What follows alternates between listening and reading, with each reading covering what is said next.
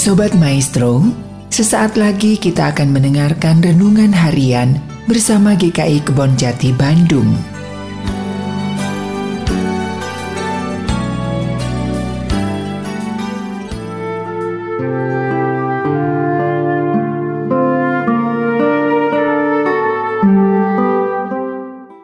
Selamat pagi Bapak Ibu dan saudara-saudara sekalian. Saya Marcel, senang sekali dapat bertemu dalam Renungan Harian GKI Kebujati. Renungan kita pada hari ini berjudul Antri. Firman Tuhan yang mendasari renungan pada hari ini terambil dari Amsal 14 ayat 29. Orang yang sabar besar pengertiannya, tetapi siapa cepat marah membesarkan kebodohan. Bapak, Ibu, dan saudara sekalian, di dalam kehidupan sehari-hari, sering kali kita berada di dalam sebuah antrian.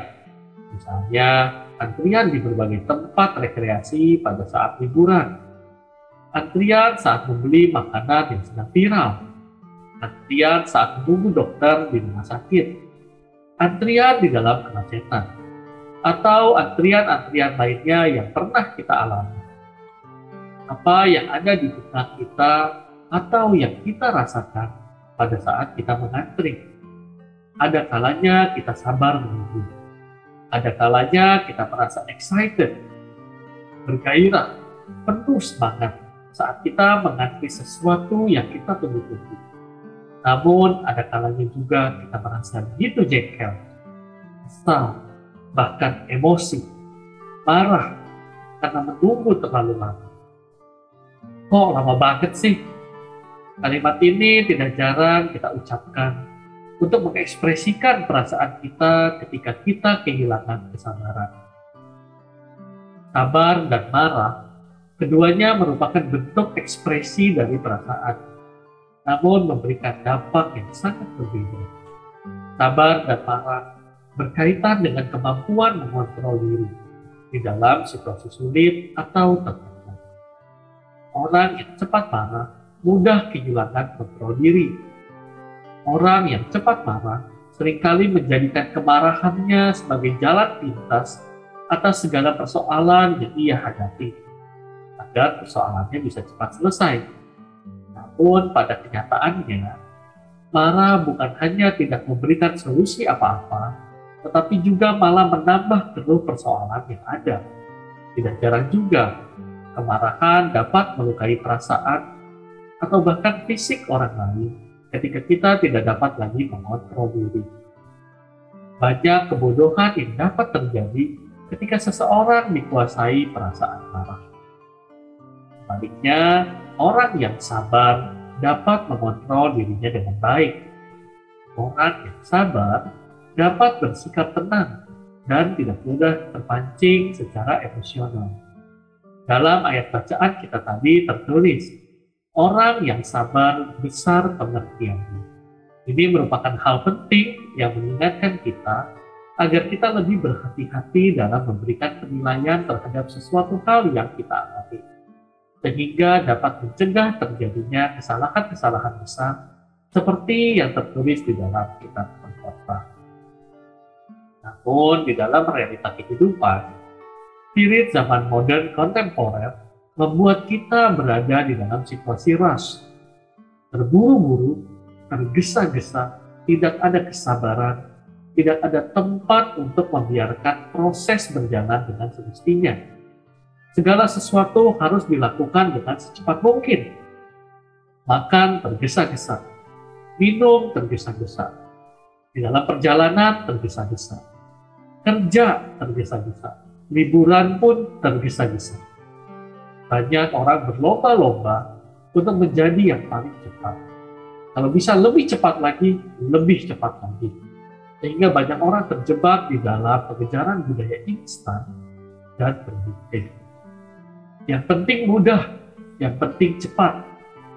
Namun ketika persoalan, situasi sulit, tekanan datang dalam hidup, banyak di antaranya yang tidak tangguh menghadapi dan cenderung mudah kehilangan kesabaran, sehingga menjadi cepat marah atau ingin kabur dari permasalahan. Apakah Bapak Ibu pernah mengalami hidup di dalam ketergesaan? Sebagai contoh, saya pernah mengikuti sebuah tur di satu negara. Jadwal acara disusun begitu panjang karena ingin mengunjungi banyak tempat dalam waktu sangat singkat. Dalam satu hari mungkin dapat berpindah-pindah untuk beberapa tempat. Tidak ada waktu yang cukup untuk menikmati keindahan dari setiap tempat yang dikunjungi. Ketika makan juga diburu-buru agar cepat selesai segala sesuatu harus dilakukan secepat mungkin. Kalau ada yang lambat, maka si tour guide kesal, bahkan memarahi para peserta karena ia harus menunggu. Hidup di dalam ketergesaan sering kali menguras kesabaran kita. Tidak jarang kita juga jadi ikut-ikutan emosi. Namun sebenarnya kalau dipikirkan lagi, untuk apa kita hidup di dalam ketergesaan? sering kali tanpa tujuan yang jelas, hanya sekedar ingin semuanya cepat selesai. Bapak Ibu dan saudara sekalian, sebagai orang berdosa kita cenderung untuk mudah kehilangan kesabaran dan menjadi cepat marah. Namun sebagai orang percaya, kita perlu menyadari bahwa kesabaran bukanlah tercipta melalui hasil usaha kita sendiri, tetapi pemberian Tuhan melalui buah roh yang ia tanamkan di dalam diri kita. Sabar bukan berarti menggampangkan atau menyepelekan sesuatu. Sabar juga bukan berarti cuek. Misalnya, ah sabar aja lah, nanti juga akan baik lagi. Rasul Paulus mengingatkan kita bahwa sabar adalah salah satu wujud kasih yang nyata. Sabar tidak bisa dipisahkan dari pengorbanan dan ketaatan.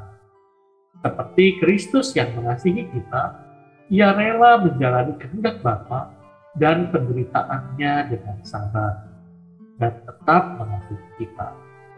Tuhan menginginkan kita untuk menjadi pribadi yang sabar dalam menjalani kehidupan ini, bukan hanya untuk bertahan atau mencapai sesuatu yang bersifat duniawi, tetapi juga untuk menjalani kehidupan yang Tuhan kehendaki di dalam menaati segala perintahnya, di dalam pengharapan dan menantikan pertolongannya, di dalam mengasihi dia dan sesama. Sekian renungan hari ini, Tuhan Yesus memberkati.